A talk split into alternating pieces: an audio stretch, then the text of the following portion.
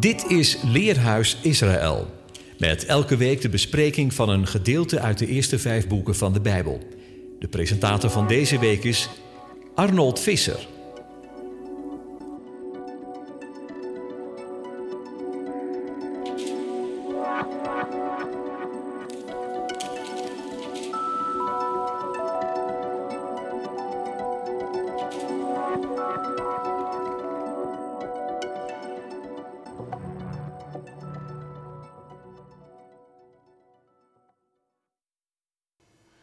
Beste luisteraars, Shabbat Shalom en welkom bij weer een uitzending van het Leerhuis.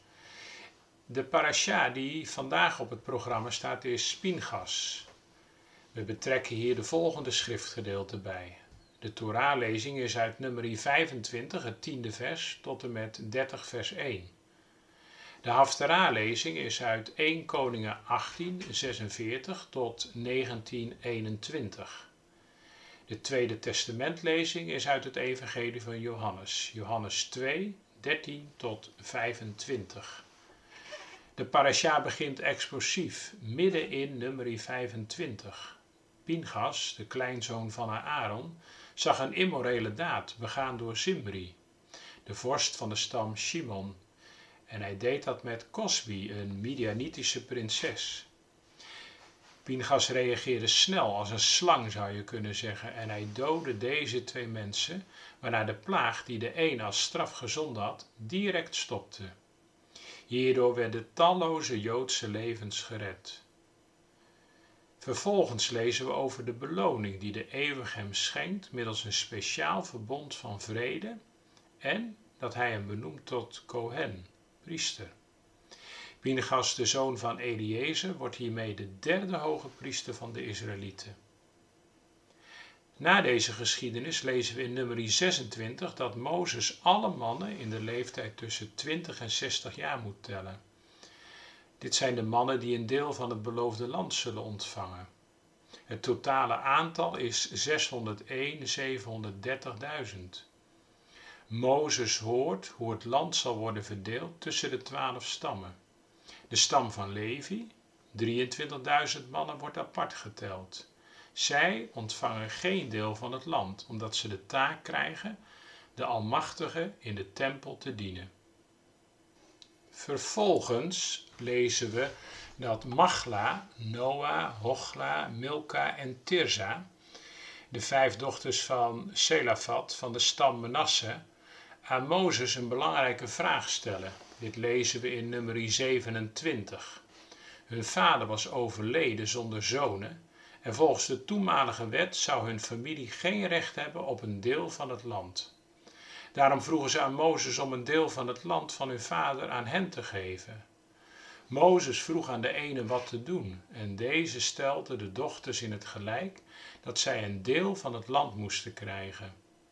Dit wordt vervolgens in een wet in de Torah vastgelegd, wetten van overerving. Namelijk dat wanneer een man overlijdt zonder zonen, de erfenis zou worden gegeven aan zijn dochters. Vervolgens zegt de ene tegen Mozes om de berg Averim op te gaan, van waar hij het hele heilige land kan zien voordat hij overlijdt. Bij terugkomst draagt Mozes zijn taak ten overstaan van het volk middels handoplegging over aan Jozua, de zoon van Nun.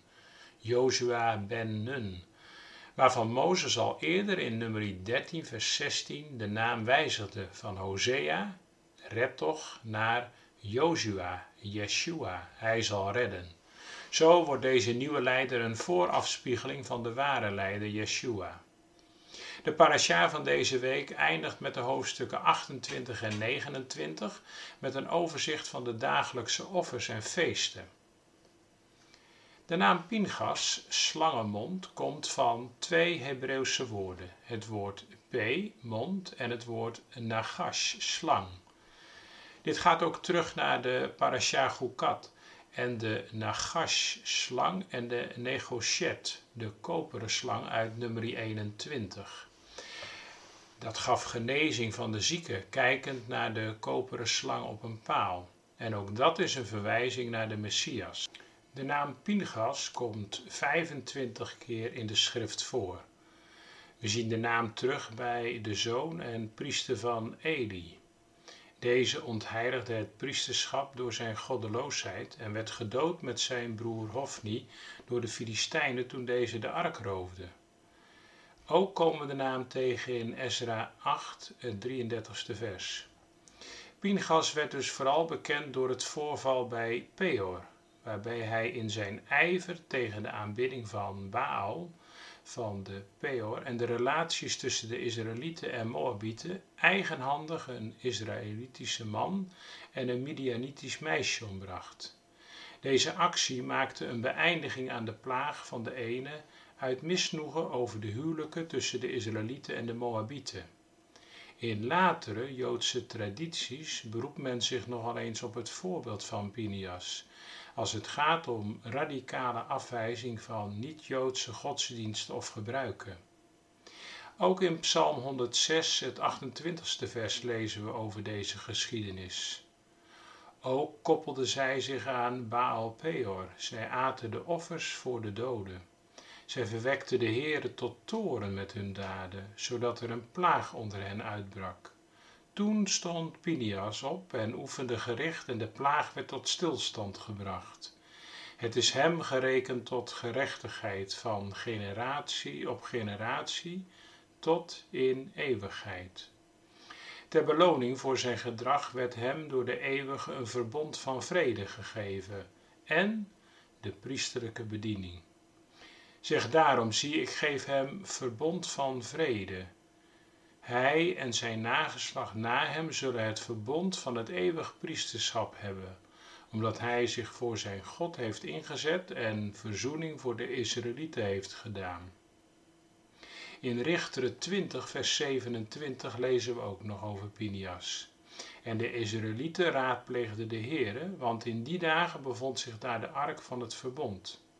En Pinias, de zoon van Eliezer, de zoon van Aaron, stond in die dagen voor zijn aangezicht en zei: Zal ik nog eens ten strijde trekken tegen mijn broeder de Benjaminieten?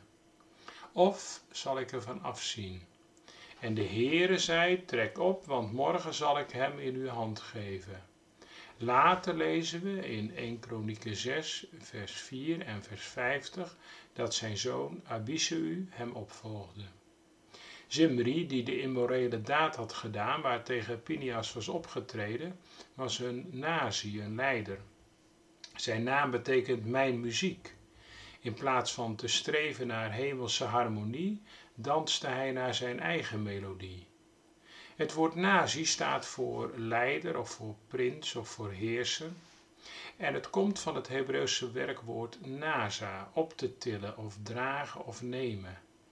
Leiders hebben middels hun taak een voorbeeldfunctie, om het volk te leiden naar de ene in plaats van het er van af te brengen. Bij de dagelijkse taakuitvoering past ook ijver. Het Hebreeuwse woord voor ijver, kine, wil onder andere zeggen vurig zijn, jaloers of benijden. Ijver kan negatief of positief worden getoond, afhankelijk van het motief en de loyaliteit. Het is belangrijk om een goed na te volgen leider te zijn voor de kahal, de gemeenschap. Alleen dan kan de gemeente instructies en voorschriften van de eeuwige inprenten, uitvoeren en belangrijk doorgeven aan een volgende generatie. Een goede leider kijkt niet alleen naar zijn eigen terrein van regeren, maar kijkt ook en vooral naar de groei van de gemeente. Hiermee blijft de Kihila, de gemeente, intact.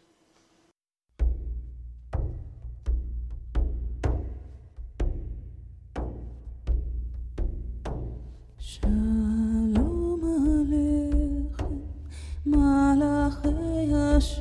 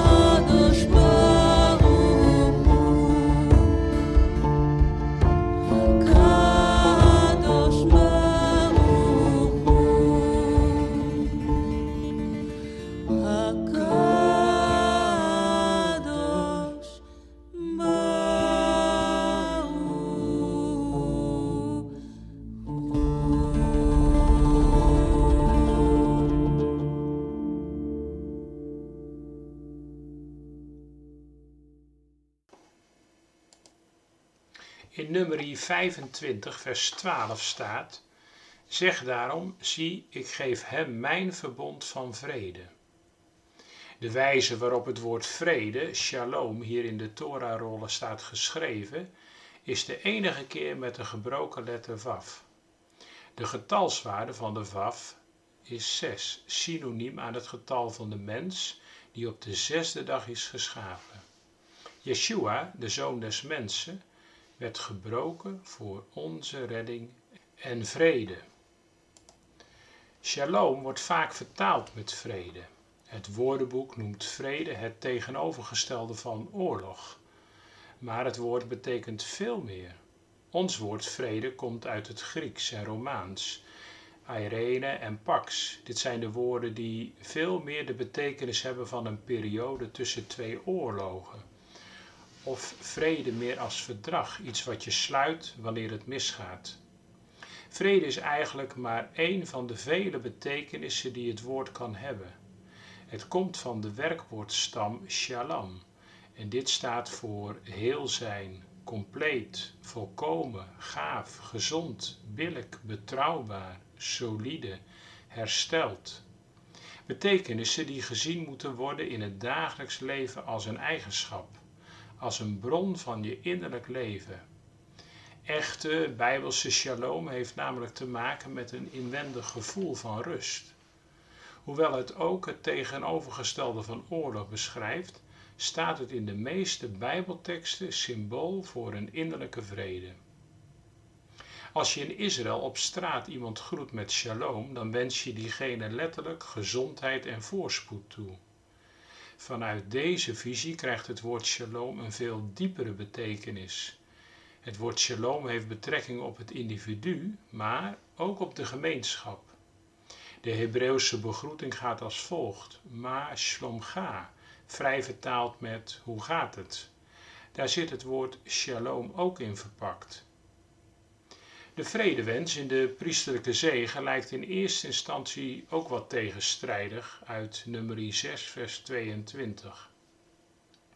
En de Heere sprak tot Mozes, spreekt tot de Aaron en zijn zonen en zegt, zo moet u de Israëlieten zegenen door tegen hen te zeggen, de Heere zegen u en behoed u. De Heere doe zijn aangezicht over u lichten en zij u genadig. De Heere verheffen zijn aangezicht over u en geven u vrede. De Eeuwige geeft aan Aaron de opdracht om Israël te zegenen met vrede, op het moment dat ze zich klaarmaken om het beloofde land te veroveren. Als vrede hier het tegenovergestelde van oorlog zou betekenen, dan zou deze zegenspreuk weinig betekenis hebben. De Israëlieten stonden immers op het punt om de hele boel kort en klein te slaan. De Heere sprak echter over een innerlijke vrede, voortkomend uit zijn bescherming. Precies de zegen die Israël nodig had. In Psalm 122 staat: Bid om de vrede voor Jeruzalem. Laat het goed gaan met hen die u liefhebben. Laat vrede binnen uw vestingswal zijn, rust in uw burchten. Gelovigen krijgen de opdracht om te bidden voor de vrede van Jeruzalem vanwege de aanhoudende druk op Israël en zijn hoofdstad. Dat is goed, maar Psalm 122 heeft nog een betekenis. Het is ook een gebed voor een geestelijk herstel van Israël. In vers 7 staat dat we bidden voor vrede binnen de muren van Jeruzalem. Dat is waar de echte shalom gevonden kan worden, binnenin. Bid dat er zoveel shalom mag zijn binnen de muren van Jeruzalem, dat het de hele wereld overstroomt. Zo wordt ons gebed voor de vrede van Jeruzalem eigenlijk een gebed voor de wederkomst van de Messias van Israël, de vredevorst, om zijn troon te vestigen in Jeruzalem. Bijbelse vrede betekent dus veel meer dan de definitie van ons woordenboek. Daarom moeten we ons vasthouden aan die betekenis, ook zoals in Psalm 128. De Heere zal u zegenen vanuit Sion. U zult het goede van Jeruzalem zien al de dagen van uw leven. U zult de kinderen van uw kinderen zien. Vrede over Israël. In hoofdstuk 28 en 29 brengt de eeuwige zijn volk terug naar de feesten. Wat een contrast met het begin van de parasha. Oordeel over het volk, twee mensen die dood in een tent liggen en een leider die het beloofde land niet mag ingaan. De schrift is niet geschreven opdat we een grote kennis over de geschiedenis zouden hebben, maar veel eer om wijsheid voor het huidige leven voor te brengen. De feesten brengen een wekelijks, maandelijks en jaarlijks onderzoek in het leven van ieder van ons vandaag. De feesten helpen ons om zijn koers te blijven volgen. Het Joodse jaar is geen zonnejaar, maar een maanjaar, dat volgens de omloop van de maan berekend wordt. Volgens Bijbelonderzoekers verwijst de naam Sinai naar maan en Horeb naar zon. Iedere maand begint met nieuwe maan, twaalf maanden in een jaar. En deze bepaalt wanneer een nieuwe maand begint. Op last van de eeuwige is de tijdrekening zoals we die nu ook lezen bij de instelling en het begin van zijn feestdagenkalender. Wanneer het eerste streepje maanlicht is te zien, weet men dat de nieuwe maand is verschenen. Het hele leven, het hele levensritme wordt dus van Gods wegen aangestuurd via de maan en haar cyclus. Wat leven wij dan als Westelingen in een tegengestelde richting? Wanneer we naar de huidige tijd kijken, zien we dat meer en meer we zijn losgeraakt van schepping en natuur. We lezen steeds in het begin, in onze oorsprong. Het was avond geweest en morgen de eerste dag. Het Joodse leven neemt als startpunt het donker met een aanschouwen en zoeken naar licht. Geloven dat begint in het donker en vertrouwen moeten we dat er altijd licht is en dat dat zal komen. Ook al wordt de tempel verwoest en al gaat een volk in zak en as, men blijft speuren naar spoortjes van dat licht en dus ook hoop. En zodra er een streepje licht is, mag de dag, het feest beginnen. In Leviticus 23, vers 2 staat: De gezette hoogtijden des aanwezigen, welke gij uitroepen zult, zullen heilige, apart gezette samenroepingen zijn. Deze zijn mijn gezette hoogtijden. Aagje Linge heeft het als volgt naar aanleiding van Leviticus 23, nummer 29 en Deuteronomium 16 als volgt gedicht. Wel zeven feesten gaf de Heer zijn volk te vieren tot zijn eer. Het hoe, de plaats, precies de tijd gaf hij in zijn voorzienigheid. Zijn feestkalender is compleet, ja, alle dingen zijn gereed. Het Pascha is het eerste feest van alle zeven wel het meest. Er werd een smetloos lam gedood voor het volk van God in zondenood. Maar achter het bloed is veiligheid, door het godslam aan het kruis bereid. Het tweede feest over brood horend bij het Pascha even groot. Dit brood van alle zuur ontdaan moest zeven dagen voor hen staan. Ja, heiliging een leven lang is voor de Heer van groot belang. Feest 3 speelt in de oogsttijd af, waarbij men daags na Sabbatdag van alle vrucht de eersteling aan de ene gaf voor zijn zegening. Die eerste garf wijst naar de Heer. Hij kwam vanuit de doden weer. Na zeven weken komt feest vier, een rijke oogst als een rivier. Hier zien we al het Pinksterfeest, uitstorting van de Heilige Geest. Het volk bracht vers brood, nu met zuur, beeld van de zondige natuur. Het vijfde feest komt aan bod, ook dit is een bevel van God. Want als de oogst naar binnen is, klinkt het bazuingeschal gewis. Het kondigt nieuwe tijden aan, het oude tijdperk is gedaan. Tien dagen later feest zes, voor het hele volk een diepe les.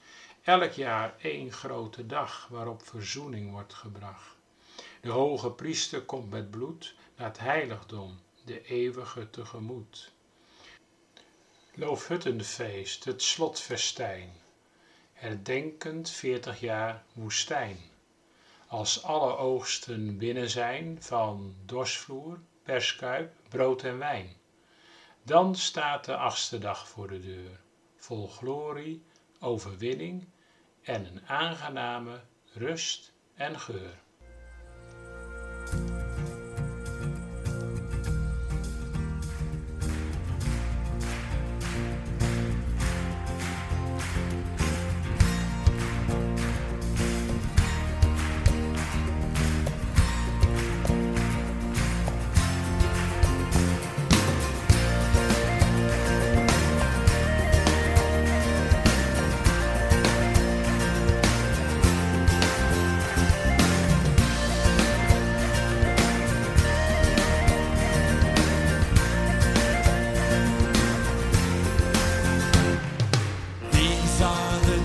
saw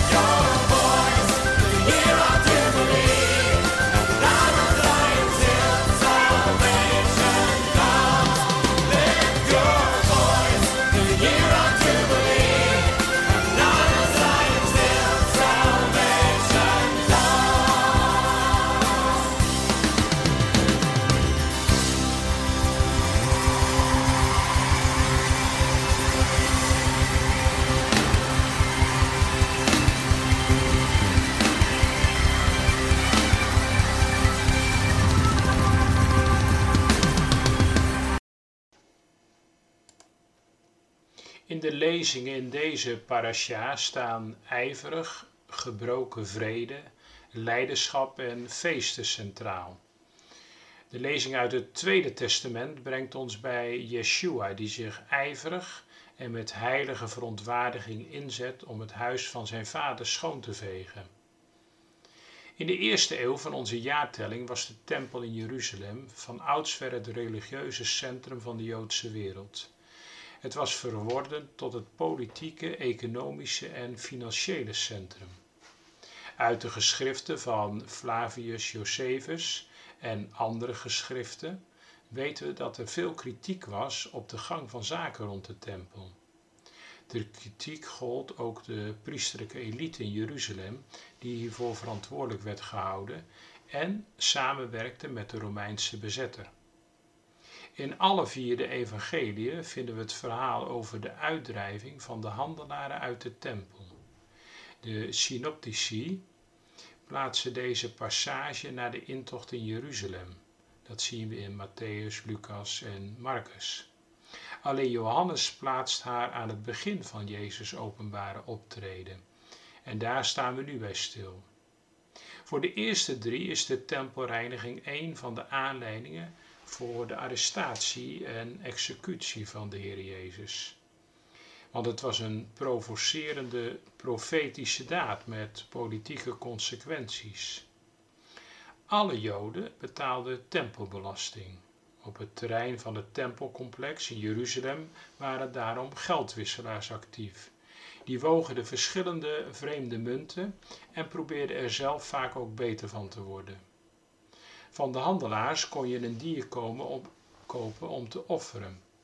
De armen die weinig geld bezaten, mochten een duif offeren. Dat in de buurt van de tempel handel gedreven werd om het bezoekers mogelijk te maken een offer te brengen, is op zich te begrijpen.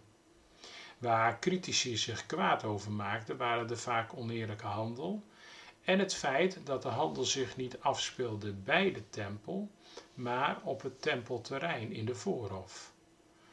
Alle activiteiten in de voorhof werden zo georganiseerd door de priesterklasse en in het bijzonder door de hoge priesterlijke familie. Zo waren de kramen en het verdere meubilair het eigendom van de zonen van de hoge priester Annas. Dit deed het gezag van de hoge priesterlijke familie geen goed.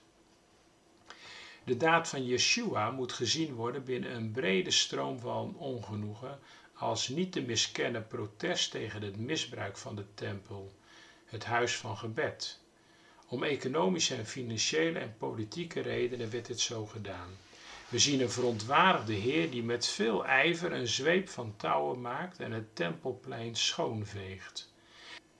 De tafels van de geldwisselaars schopt hij omver. Zijn optreden is kritiek op de corrupte tempelpraktijk. Het gaat hem er juist om dat de heiligheid van de tempel is aangetast.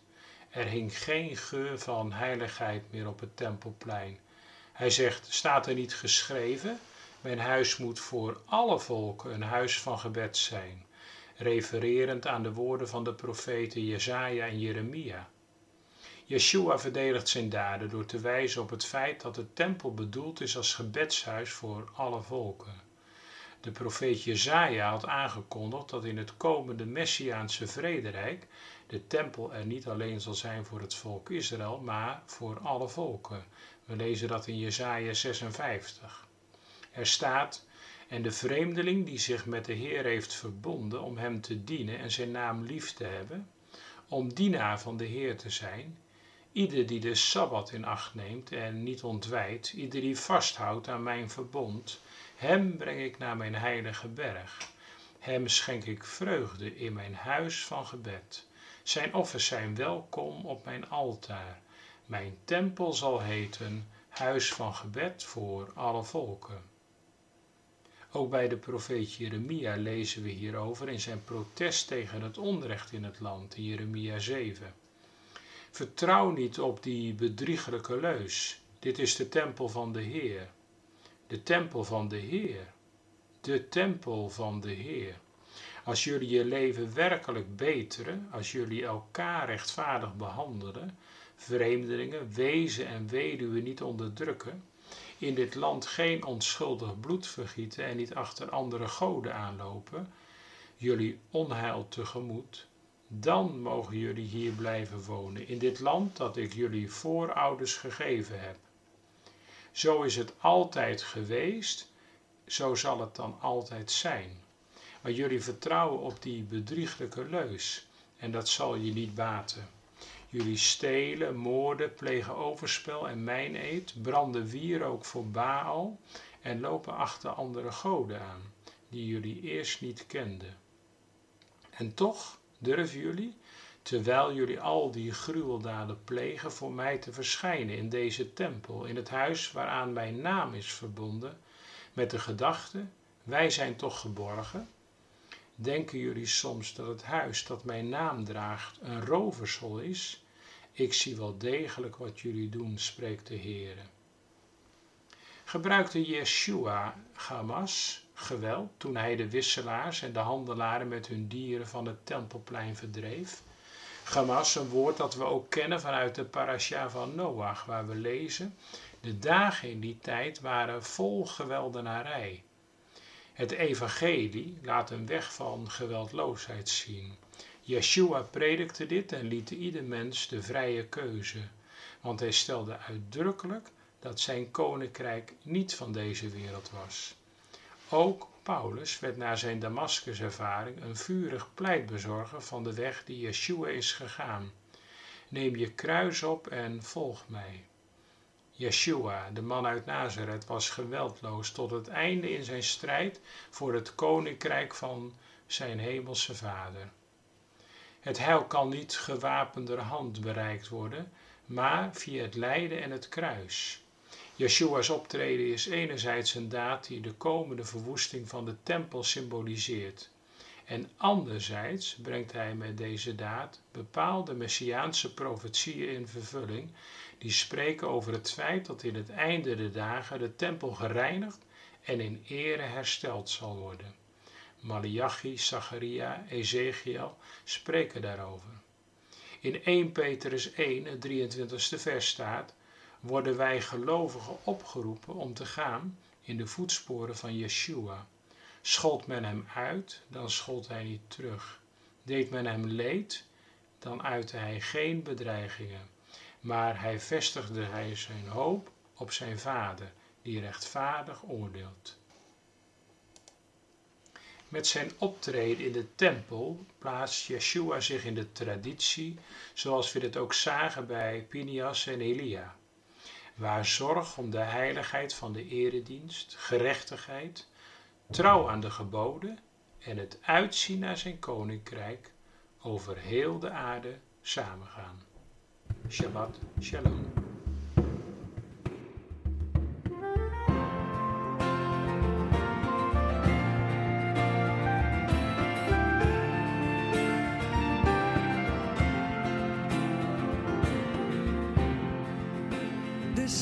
Zal bloeien, de steppen zal lachen en juichen.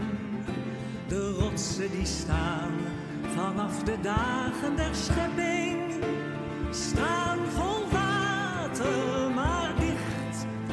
De rotsen gaan open.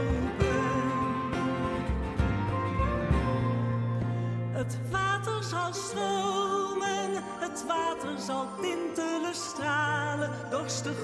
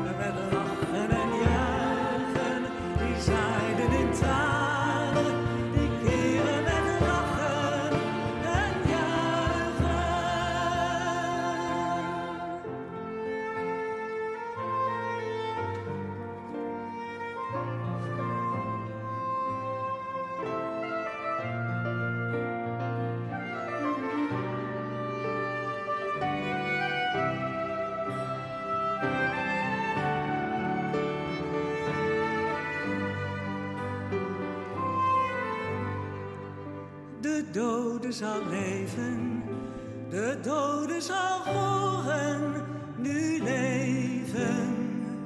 Ten einde gegaan en onder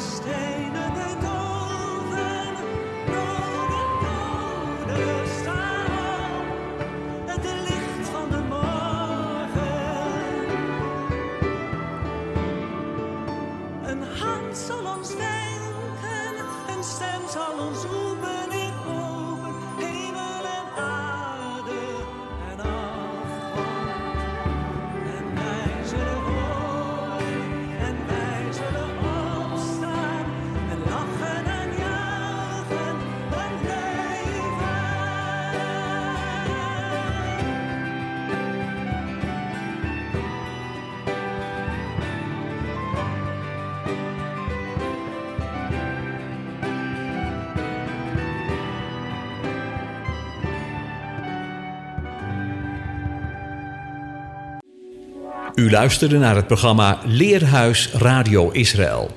Een wekelijkse studie aan de hand van de Bijbelgedeelten die wekelijks door de Joodse gemeenschap worden gelezen. Heeft u een vraag of opmerking? Stuur dan een e-mail naar info-apenstaatje radioisrael.nl. Het leesrooster vindt u op onze website. Ga naar radioisrael.nl en klik onder het kopje radio op programma's.